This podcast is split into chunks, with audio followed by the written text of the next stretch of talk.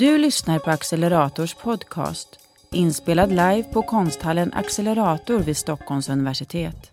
Good afternoon and welcome to today's conversation Curating Art, Navigating Across Borders. Uh, my name is Yuying Hu, and I am a second year student from the International Master's Program in Curating Art at Stockholm University. Accelerator has a collaboration with the MA program in curating art, and we students from this program create events in relation to themes that Accelerator wishes to highlight in the exhibition program.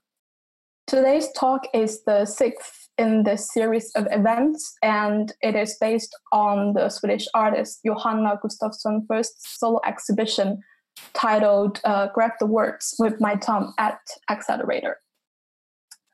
Uh, today's live stream will last for approximately 60 minutes. And we have uh, Jennifer Hayashida and Johan Järlehed joining us for the talk. Welcome and glad to have you here. I think you both need to mute your. Thank you. Uh, before introducing both participants and diving into the conversation, I want to say to you who are joining us through the internet, uh, please feel free to leave comments or questions in the comment section of the Facebook live streaming page that you're watching. We will check them out and try to answer some if there's any time left in the end. Uh, first, I would like to give a brief introduction to both of our participants. We have uh, Jennifer Hayashida here. Jennifer is a poet, translator, and artist, and she's based in Gothenburg and New York. As a poet, Jennifer published her first poetry collection titled A Machine Wrote This Song two years ago in 2018. And as a translator, she translates mainly from Swedish to English and she has translated, among others, Athena Farrokhzad, Katarina Taikon, and Lawen Mohtadi. And beginning in 2018 fall, Jennifer has been a PhD candidate at uh, HDK Valand Academy of Art and Design at uh, Gothenburg University. And Jennifer, now you're conducting your interdisciplinary artistic research project titled uh, Feeling Translation. And we also have uh, Johan Järlehed here. Johan is an associate professor in Spanish from the Department of Language and Literatures at uh, Gothenburg University. Uh, your research interest lies in how languages, in a broad sense, interact with social change processes. And Johan, with your research, you try to understand the reasons behind the changes and how this impacts people's views and use of the languages, as well as how lingu- linguistic ideologies and practices affect social processes in return. And Johan is now leading a, pro, a research project at uh, GU about the role of language in segregation and uh, gentrification processes in Gothenburg. Um, to start off the conversation, I would suggest uh, maybe Jennifer and Johan, you can give us a short presentation of your research and project uh, practice so that our audience can have a better idea of what you have been working with. And maybe we can start with Jennifer. Jennifer, can you tell us a bit more about your ongoing project, Feeling Translation?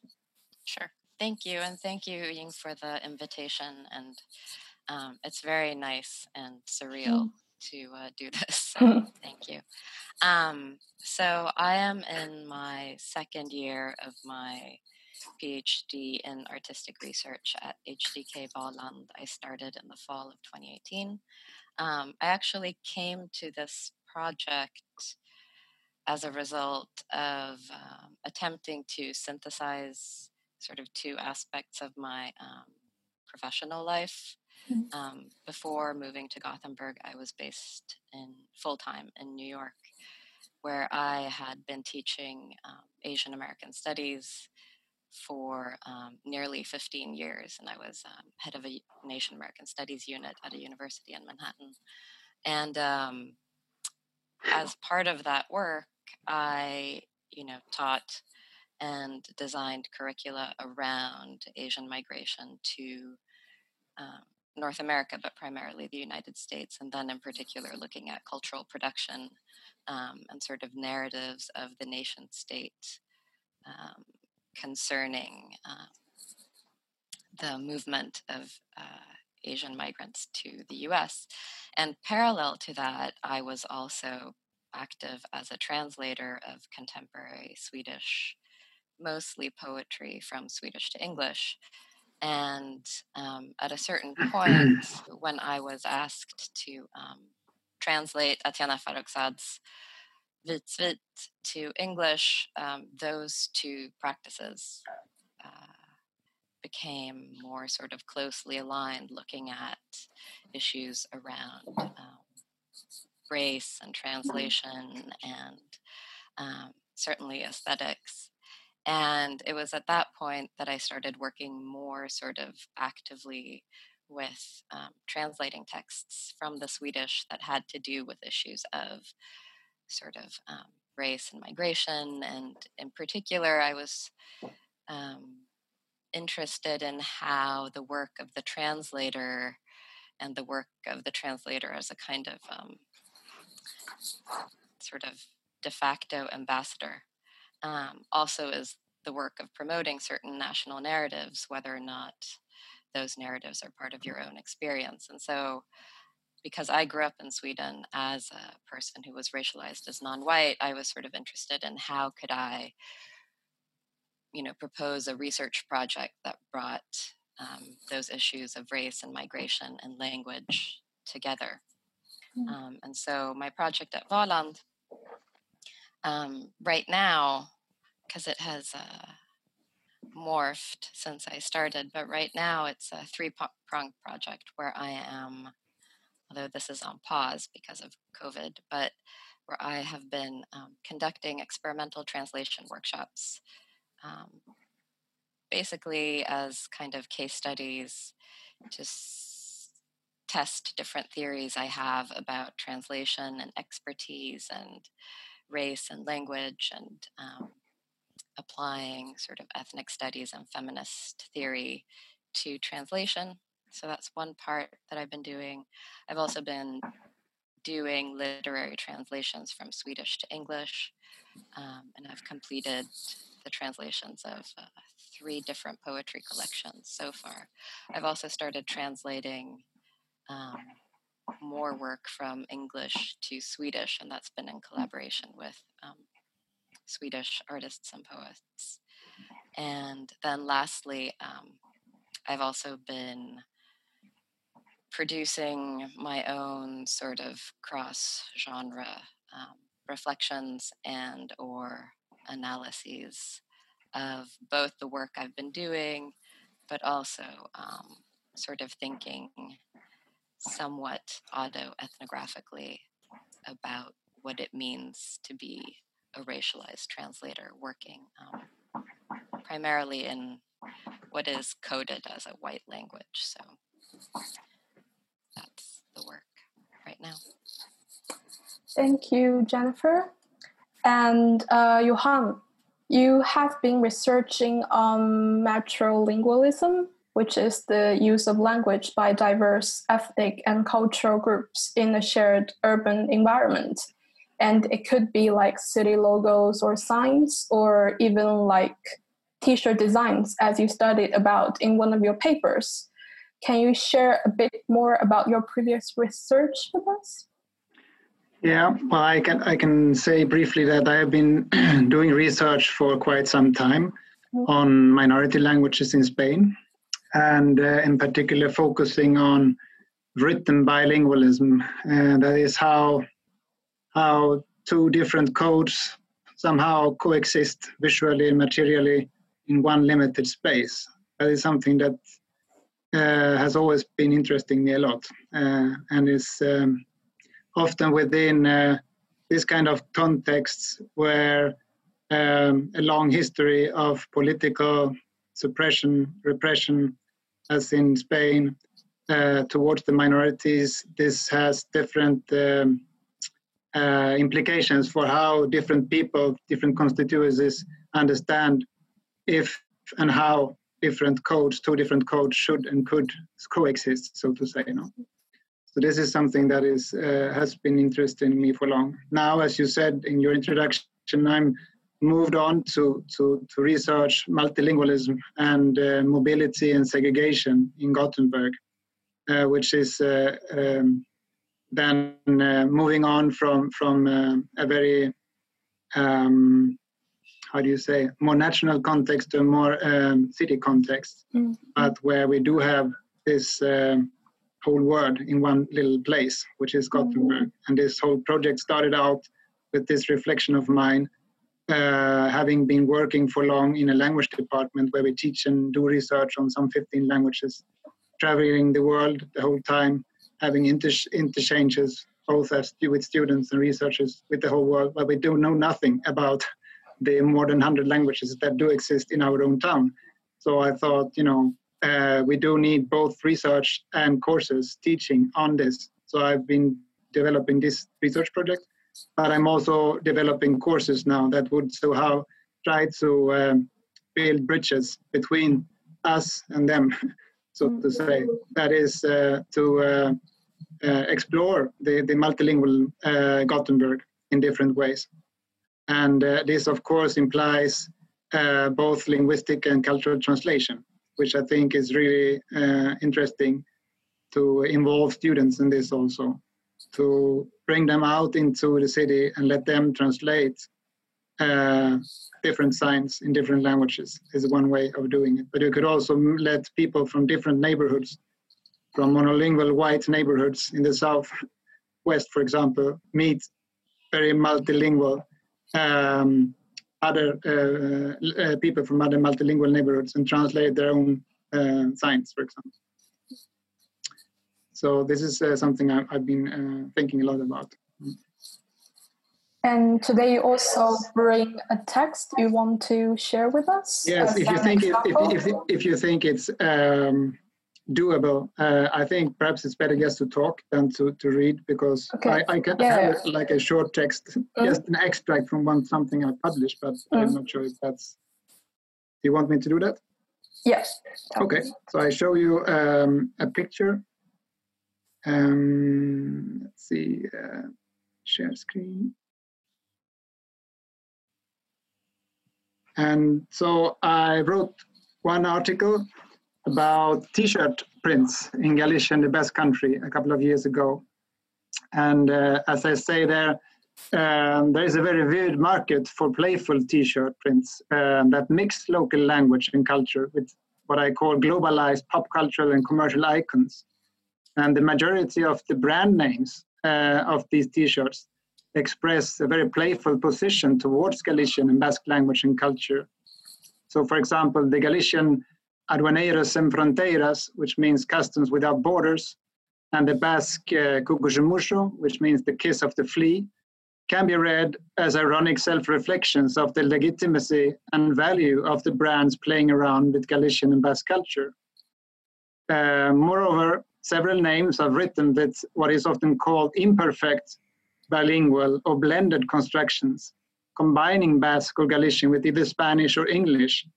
And one example is Nikki's Galicia style, which blends the globalized English word style with the non-standard form of the Spanish word for t-shirt, which is Nikki's, this time spelled with the rebel transgressive K. Um, and in another example, is the Galician brand uh, Rey Centolo, which means the king of the European spider crab. Um, and the Spanish and official Galician name of the species is Centolo. But in the brand name, this is, this is written with an initial Z, Zentolo, thus claiming, or at least um, commercially drawing on the symbolic value of the minorized and reintegrationist spelling of the nation's name as Galiza with Z instead of Galicia with C. Hmm? And so these naming methods together indicate, indicate a detached and playful embrace of local culture and language, and an implicit criticism of linguistic purism prevalent to the intellectual and political elites of Galicia and the Basque country, as exemplified Um, I have here, see if I can get that slide. It's exemplified here by a high uh, civil servant at the Basque language department. Uh, um, so I can speak several languages, he says. And in a conversation with someone who also speaks several languages, I can change from one language to another, and the communication is thereby enriched. Sometimes I need a term in a language that another language does not give me. That is all fine. But to hybridize the language and contaminate it, that does not seem good to me, no? She says. We need to maintain the structure. So while hybrid and contaminated Basque and Galician have often been seen as poor owing to the predominance of centrist norms and as indexes of new speakers failing to know the local the language. The local t-shirt designers and other cultural entrepreneurs are challenging the indexical value by using these, so to say, incomplete forms and registers. So as stated uh, to, the to the right here, in an interview with a Galician uh, t-shirt designer, he says, we want to reflect uh, exactly what there is, create phrases as we would say them in the street, not translate into a perfect Galician, but reflect our idiosyncrasy, which is no more than that. If there are some Galician words on the t-shirts that are not correctly spelled, maybe it's on purpose, because we do as we are, as we would say, and not as it properly ought to be. So I think in some this uh, examination of the t-shirt genre illustrates how the local political economy of language resonates in a commercial genre, as well as how commercial and cultural interests unite in branding of Galicianness and Basqueness, and that naming is a very central part of this. The t-shirt brands uh, make profit out of commodified language and culture at the same time that they celebrate local and, so to say, authentic speech forms and develop a critical stance towards traditional top-down discourses of pride centered on language norms and borders. This was just a quote of mm-hmm. my paper, and I'm going to stop sharing this with you, and we can con- continue talking. Yes. Thank you. Thank you, Johan, for sharing. And I think I will take the last sentence from the text you just shared, where you mentioned about language norms and mm-hmm. borders, mm-hmm. and get into our today's discussion. Good. Uh, in Johanna's exhibition, she touched upon uh, two of the concepts of monolingualism and multilingualism. And I have also chosen the word border as the part of the title of the event here and I would like to think that there are borders where different languages meet within one specific context, which often is not neutral but entails complex tensions and power relations. As we can also tell by the text you just shared, when uh, people try to mix like the Galician and Basque language with like English or Spanish, they use you use the word like hybrid or contaminated, especially the word contaminated. Mm. So I would like to suggest that the borders there they are never neutral and they entail uh, power relations. And also, for example, there have been I think constantly debates on the relationship between the official language of one nation and other languages, be it uh, minority languages from this nation or geographically existing in this nation or foreign languages?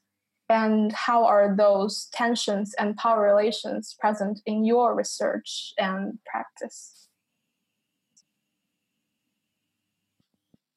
Who would you like to start? Yeah. mm, maybe we can take uh, Jennifer first. Sure.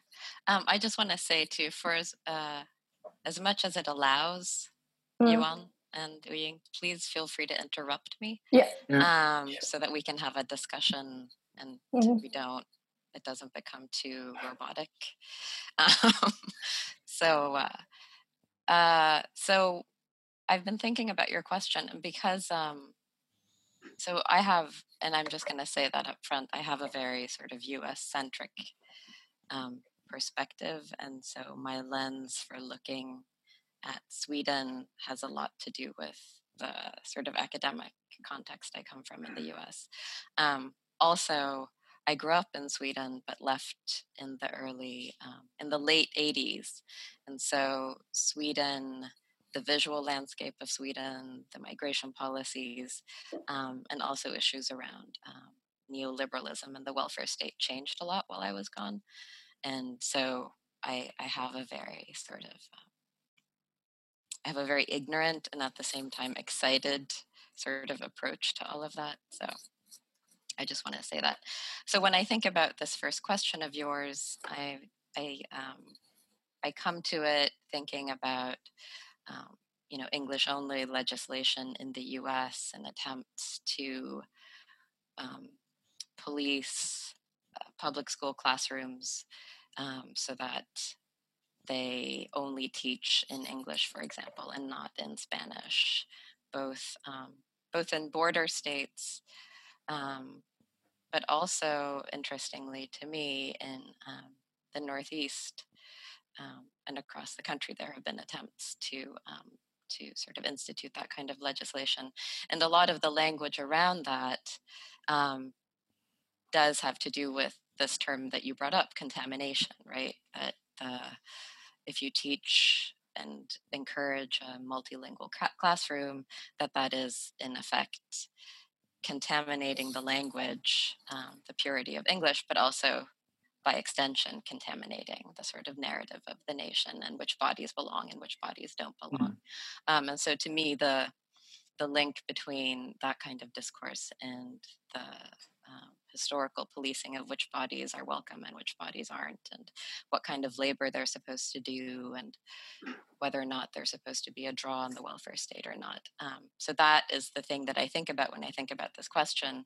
And so when I came to came back to Sweden a few years ago, one of the first sort of things that I was curious about was um, both attempts to um, to uh,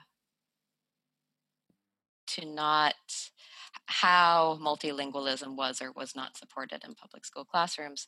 But I was also increasingly fascinated by um, the ways in which certain public agencies, like Migrationsverket for obvious reasons, but also Skatteverket, um, you know, offer services in languages other than Swedish. And so to me, it's interesting to see um, quote unquote minority languages be part of the formal language of the state through uh, units like Skatteverket or. Migrationsverket, mm. um, just because the the sort of um, apparatus of the state is so uh, fleshed out in Sweden in ways that it is not as um, coherent in the U.S.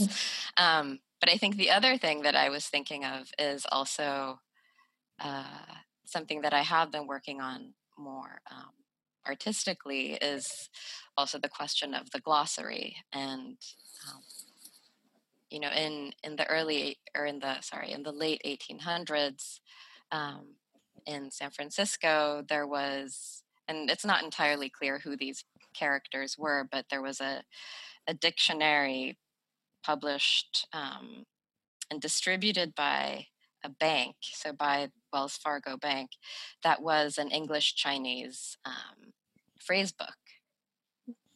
And the phrase book contains it's um, it's pretty thick, and it contains all kinds of phrases, ranging from you know how much does this cost to language that very clearly has to do with self defense in terms of defending yourself against the police, defending yourself against dishonest salespeople, um, and also dealing very clearly with sort of racist um, interactions and how to defend yourself in court. You know, how to say in English that you were not present when that man was stabbed in the chest like there are there are lines that are very very specific like that and so i've been thinking about the phrase book as an example of this kind of border policing um, but also what kind of narratives it encourages. And so I've been doing some sort of um, artistic experiments or literary experiments between the Wong Sam phrase book and the sort of contemporary SFI glossaries, um, which to me are not that different. They encourage um, other kinds of other forms of citizenship that are less about sort of racial or socioeconomic abjection and more about consumerism, like how to be a good mm. consumer, um, how to be uh, an effective advocate with um, various state agencies. Um, they encourage entrepreneurship. They encourage um, certain forms of citizenship that to me have a lot to do with um, transformations around neoliberalism and the welfare state. And so it's it's interesting to me to sort of look at how the glossary um, or the phrase book, what sort of narratives of the nation and citizenship that it reinforces. And um, so, yeah. Yeah, this also reminds me of uh, last year when I was taking part of one of your uh, speculative translation workshops you also mentioned about this phrase book thing, mm-hmm. and I remember uh, one of the participants they brought actually, or they mentioned this yeah. also like a book. I think it's, it's between Finnish, Finnish, yeah, Finnish and Swedish. Yeah, it was for the yeah, it was for um, the pa- parents. Yeah, how they. Sh- it's yeah, it's the narratives created around this. Yeah, and it was um, yeah, and and he this that particular student wrote some really amazing poems that came mm. out of that synthesized his own experiences and relationship to Finnish mm. um, and drawing on the phrase book. So it was, yeah, it was great. And what about you, Johan? Uh, of course, this question of uh, tensions between so-called national languages and other languages in, in one place is is uh, present in many ways um, in, in in all my research. But I think one reflection is that there seems to be, so to say, only only room for one conflict at a time in each place. So um, there is a tendency that you know. Uh, in the Basque country, for example, all the attention goes towards the conflict between the Basque language and the Spanish language. Mm. While as, of course, Basque country in the cities, the Basque cities are full of other languages also, which is completely invisible and uh, made invisible in discourse, in public discourse.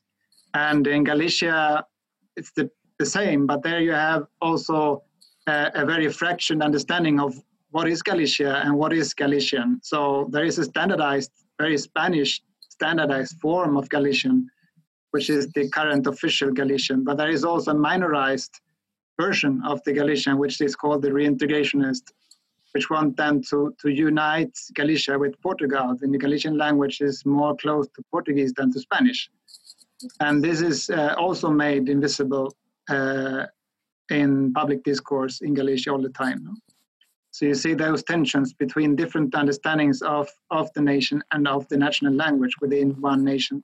And here in Gothenburg, obviously, um, we just talked, gave a talk at the conference last week about uh, the, Finnish and Somali languages in Gothenburg. And we, uh, we talk about the language hierarchy, the local hierarchy of languages in Gothenburg. And it's interesting to see that the Finnish, which has been for long the biggest minority language in Gothenburg, has left barely any visual traces in the town. That is something that really have made me think, been thinking, you know, because then after Finnish, there's a lot of other languages that have been coming to Gothenburg through migration more recent decades, and they all tend to leave more traces and be more visible and be more, so to say, present in the city. Um, and this is a bit of a puzzle. And you might even ask, is this at all a problem? I mean, to, to those who speak this language, is that the problem? And um, um, there are uh, then at the same time as you, you talked about legislation, and we have the Swedish uh, language law that um, established that we have Finnish as one of the, new, the national languages. Which gives it more rights and more more uh, protection than the other languages being present in Gothenburg. And there is a current discussion among Somali, Somalian, Somalians and Arabic speakers that they want their languages to be protected in a similar way to become then recognized as, as minority languages within the Swedish legal framework, which is, then, of course, an interesting discussion. Um, yeah. Yeah, and I've noticed that uh, when we talk about uh, one's specific official language of a nation, this idea of uh, nation, it actually includes both uh, juridical identification, as uh, in like legislation you both mentioned, and also cultural belonging, and is associated with the notion of language. Uh, more specifically, the norm of speaking a certain language and also in Johanna's works, uh, for example, the ABC book in the first part of the exhibition and uh, monolingual uh, territory in the second part of the uh, exhibition, she brought up the history of the Swedish alphabet book as an example of an instrument of imposing Swedification.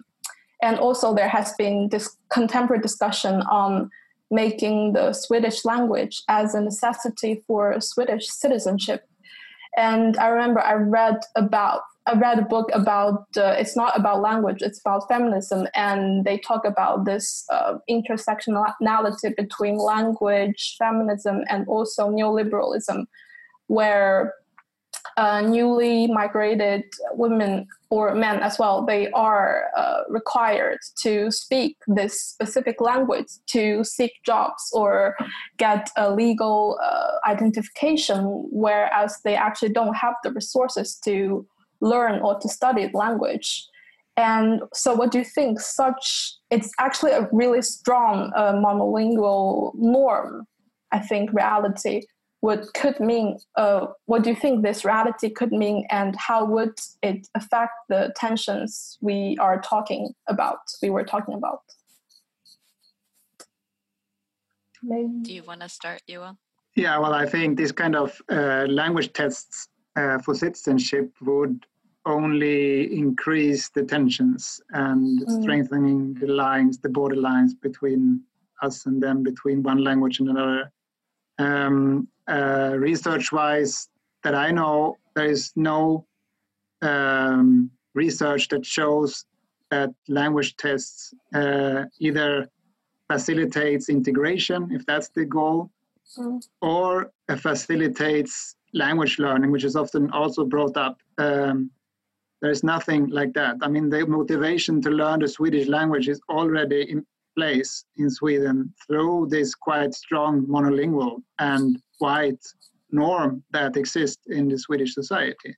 So for people coming from other places with other languages and other bodies and other skins, they do think, uh, feel a very strong pressure to, to, to, to learn Swedish because this is associated with this, this norm, which is a much broader norm, social norm, than just a linguistic norm, I would say.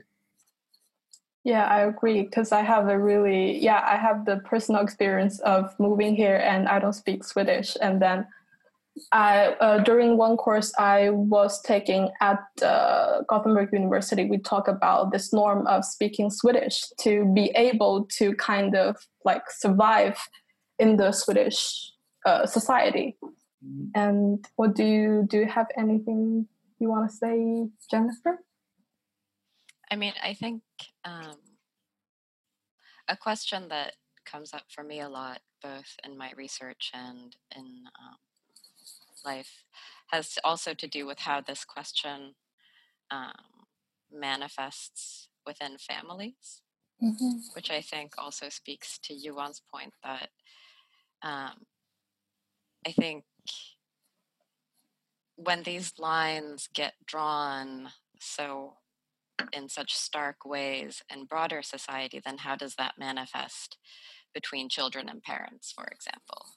When you have the first or the 1.5 generation that migrated that may not, for a variety of reasons, ever fully become quote unquote fluent Mm. Um, and then you have children who become culturally and linguistic, linguistically sort of comfortable and or fluent and then what what emerges within the family as part of that dynamic and i think that to me is a is a is a really interesting research question as well in terms of how do you how do you navigate that um, national socio-political linguistic line when it shows up um, at your dinner table mm.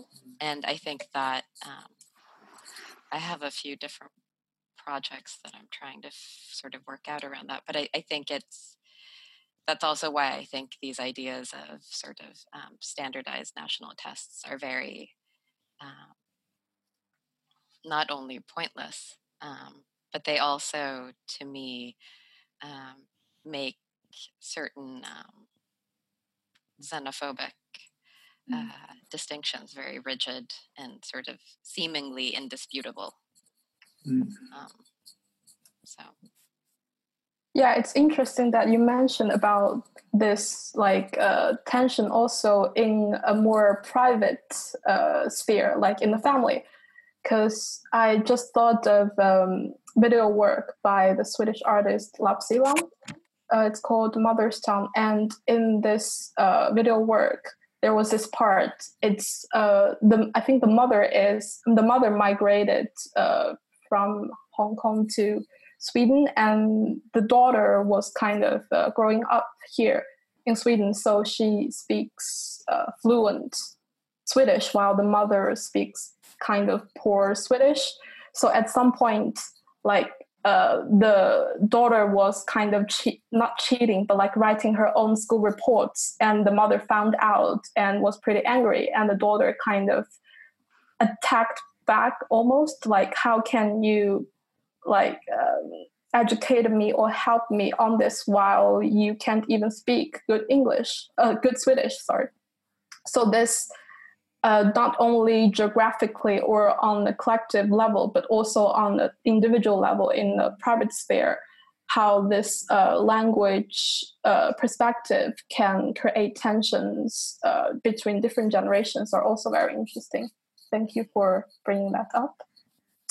And uh, so, in contrast to monolingualism, we have just talked about, multilingualism is kind of suggested to be some kind of uh, counter approach. And I think there are like uh, two levels, as I also mentioned. Uh, to, for example, to a certain individual, multilingualism could mean that you speak several languages or you are able to understand uh, several languages. So you hold this position of like navigating through those different languages as, uh, for example, the act of translation. Jennifer, you are studying in your research and to a collective uh, multilingualism could mean a lingu- linguistic landscape with uh, speaking subjects of different backgrounds, uh, as suggested uh, by Johan in your research about the lingu- linguistic uh, landscape in Gothenburg.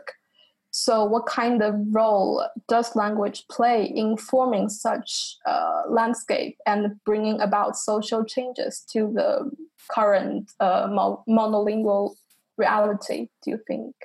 And because uh, I kind of borrowed this uh, term of uh, linguistic la- uh, landscape from Johan's research, maybe you can start by also giving us a bit of explanation on what do you call a linguistic landscape? Well, I, I, am a bit puzzled by the term because I think I never used the word linguistic, but but uh, uh, there is there's definitely a field uh, of, of research that we call linguistic mm. landscape. So basically, it's about written language in public space. Mm.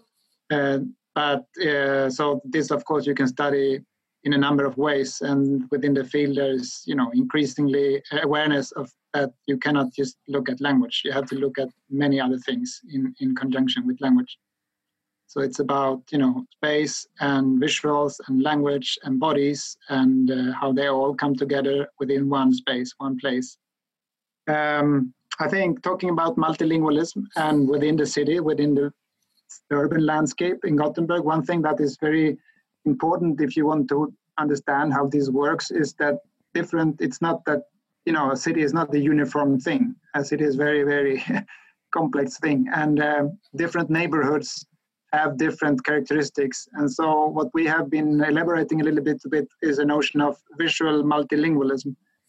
Um, and the idea that in different neighborhoods you can have you know an appearance of multilingualism you can have an idea of that you move around in a multilingual space.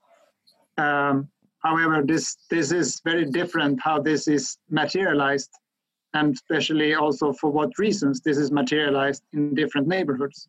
So in some neighborhoods that we've been looking at you can have a number of languages in the signage.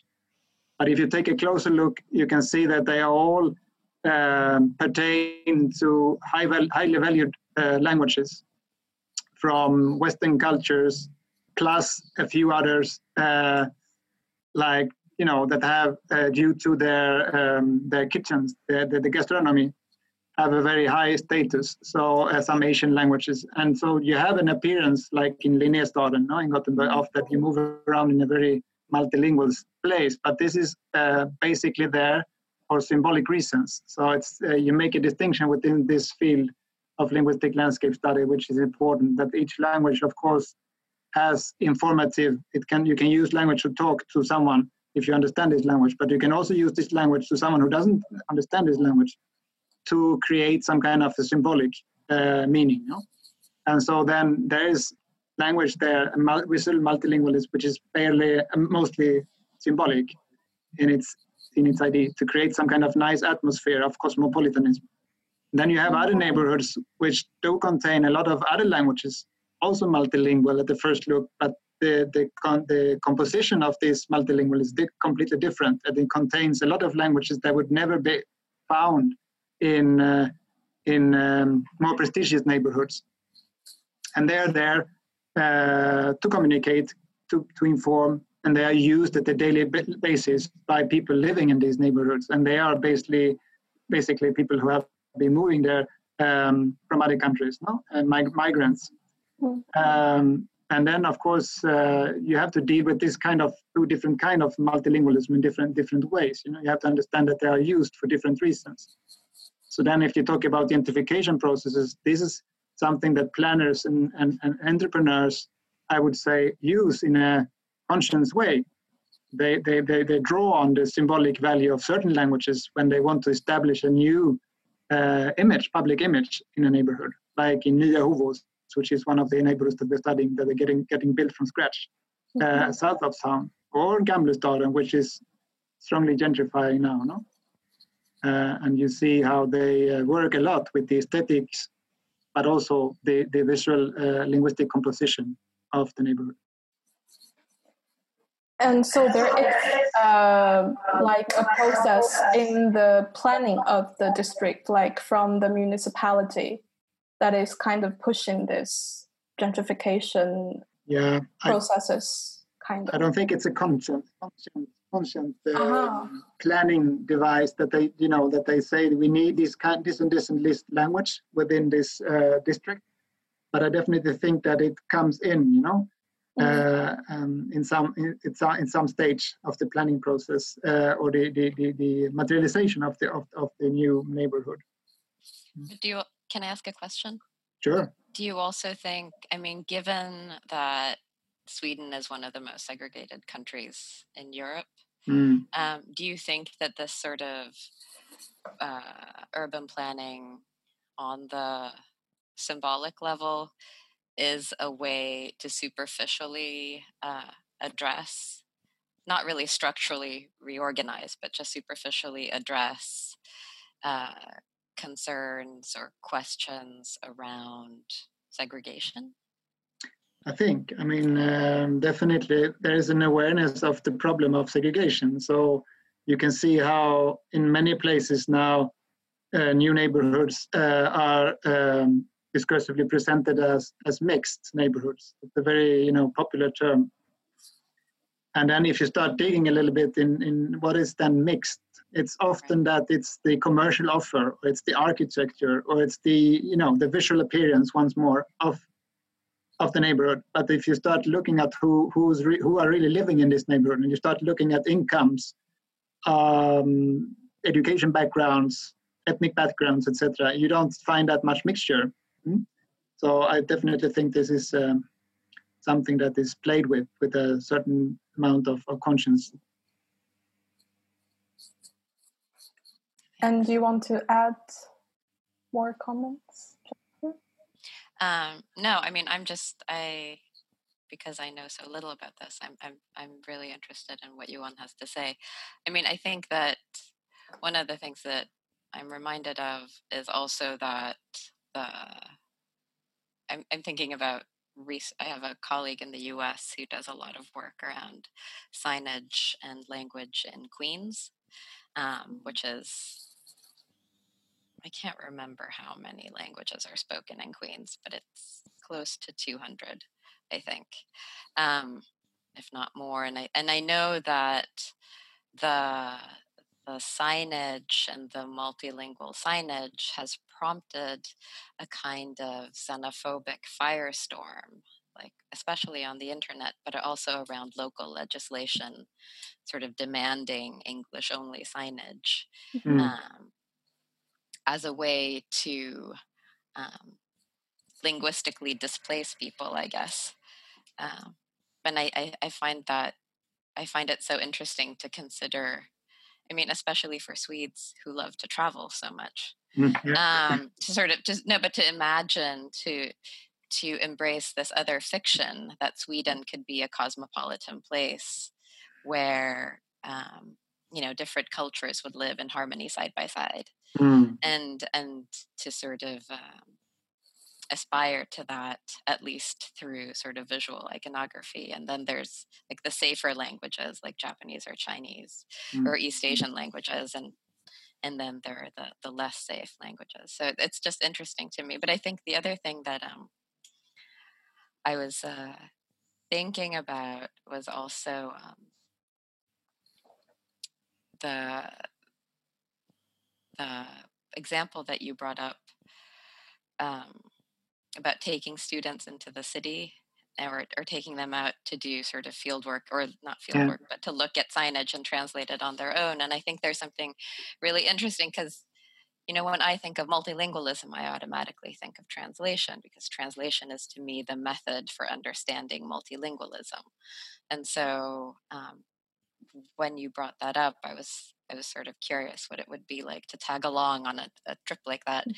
because I think there's something really interesting to ask people who don't think of themselves. They think of themselves as multilingual, but they don't necessarily think of themselves as translators, mm-hmm. even though they may translate all the time. Yeah. Um, because there's so much emphasis on deficiency um, and having to sort of pass as fluent and mm. so to me, it's really interesting to think about translation as the sort of method for looking um, at all of the things that we've talked about today, but in particular to sort of, in some ways, recast multilingualism. Um, and yeah, so. Yeah, I, I, because uh, we only have 10 minutes left, and I will just take from uh, Jennifer's uh, comment on how do you identify yourself as a translator? Because i find your interpretation of translation super interesting that uh, this practice can enact intervention and serve as a side of social change. But i would also like to expand here the like who can identify themselves as a translator or say they hold this position of uh, going near the borders we are talking about. Because i was just uh, i just think of this uh, example as we were talking. I think it's a couple of weeks ago i read about uh, some person they uh, this person they left a comment uh, on the twitter account of hulu about the south korean movie parasite. And i'm gonna quote his comment or their comment here. They said uh, it's not in English. No one wants to watch a movie that they literally have to read to understand what's going on.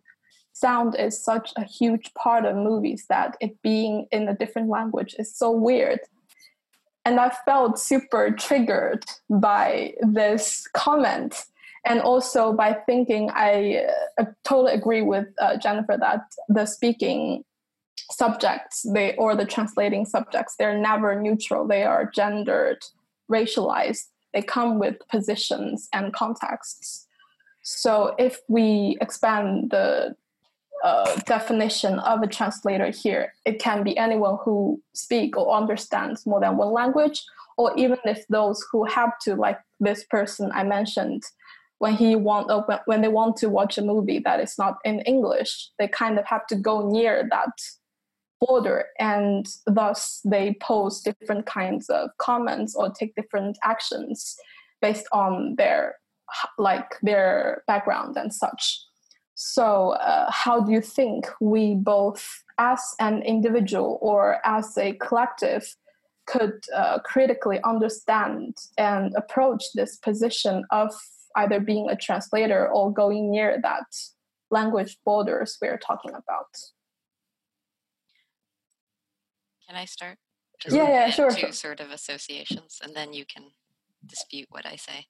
Um, so I think the the parasite example is so interesting because they're making an American version with white actors. I think, right? Yes, I think so. Um, and so obviously that's yeah. uh, that solves that person's problem. Mm. Um, but I think the the border also that you're talking about in some ways isn't just a border where you come up against the unknown or the exotic or the foreign or the dangerous or whatever in the sort of Orientalist sense, but you also come up against um, your own ignorance. And so to say, well, this this demands something of me that I don't want to. This demands a kind of labor that I don't want to do. Um, to me, there are all these other sort of uh, values attached to that around race and gender mm. and class, right? That I don't want to do this work because um, to be entertained means that I don't have to do that kind of labor. I need, I get to see myself, I get to see the familiar, or if it's mm. strange, mm. you know, it it satisfies all kinds of stereotypes that I bring into it, and so then I'm just validated. Um, but I think the other thing, and, and you know, one of the central arguments in my research project is that this whole idea that fluency is uh, is a prerequisite to translate is to me a very suspicious construct, and that um, to a degree has to do with the history of translation, but more and more, I think it also has to do with some of the things that we've talked about today, which has to do with how multilingualism and fluency um, are sort of um, the currency around those different sort of linguistic categories uh, have become so sort of volatile um, in what we imagine to be a globalized but not really globalized society. Um, and so the, one of the arguments and one of the sort of methods that i'm trying to use in my research has to do with working with um, people and or literatures where fluency is not the primary skill that you bring into the work of translation, where it has to do with other forms of knowledge that are experiential or that are structured around sort of collective bodies of knowledge. And so, what kind of translation processes emerge if you, for example, propose that you know you're going to adhere to um, I did this at Kvinnofolkhögskolan, for example, and it was it yielded some interesting results. Um, if you're going to say you're going to apply this method of reading proposed by Audre Lorde to translate a poem by Lorde, and then you and your group have to agree on the method based on the sort of outlines of this theory, which sounds very theoretical, but it is a way of sort of reading the whiteness in the group of translators and um, issues around sort of the gaze and how you translate.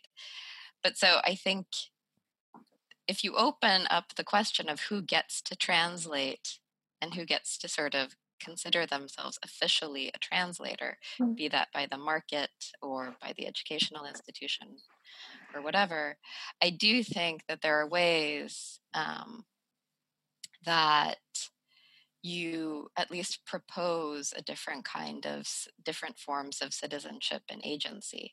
I'm not naive enough to say that I think that then gets incorporated into sort of official discourse, but I do think that at, on an individual level, um, and this is something that I'm working on to propose that a child and a parent through translation can navigate some of the questions that we've talked about today does open up for different relationships to language, um, displacement, and citizenship.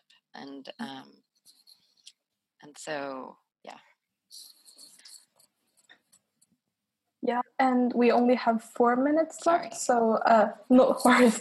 Johan, do you want to say something?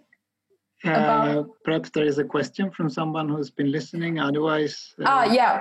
So I have been checking the comments, and there is a question. Uh, can you say something more about passing as fluent in terms of learning new languages as a migrant? Also, in terms of minority languages, where many speakers are learning again. So passing as fluent. I mean, uh, as Jennifer just said, uh, fluency. I think there is there is um, definitely uh, a very strong association uh, with with fluency, language and fluency, due, due to modernism and uh, the national states uh, and the education system put forward in these nation states. But there are, I would say, many other inroads to language than, than fluency as you said, experience is one. Uh, another one is curiosity. Another, a third one is play. You know, uh, there are so many ways to to use and to approach language um, that leaves us with another kind or other kind of kind of borders, perhaps, but that doesn't really leave us with this kind of how do you say that in English? A very fluencies either you are fluent or you're not at all a speaker. It's it's it's such a it's such a weird way of to conceptualize language and the speaker and speakerhood. Um like you you mean like a really fixed standardized like criteria it's, where it's a you... binary right? It's a yeah. binary exactly. That's what i want to say. Yeah it's a binary. Uh, it's not. I mean, uh, and uh, we all know that uh, uh who speak several languages that we do uh, speak those languages in different occasions. We speak them with different people and they serve for different purposes. And uh, i mean if we want to learn a new language we just start to have to open our mouth and start talking and it's nothing else. Uh, i've done that so many times and i've seen so many people being uh, how do you say um, um, hesitating and scared and, and, and because of this norm of fluency you know they think uh, i cannot start talking before i'm fluent. I mean, it's there's no way. It can be like that. But i also think that there are ways that even when you even if you are fluent in a language like if you say you're racialized as non-white um, or even more specifically you're racialized as um, someone from a particular region, I think that even if you do become fully fluent, you're still racialized first. Yeah, right. Yeah, I have.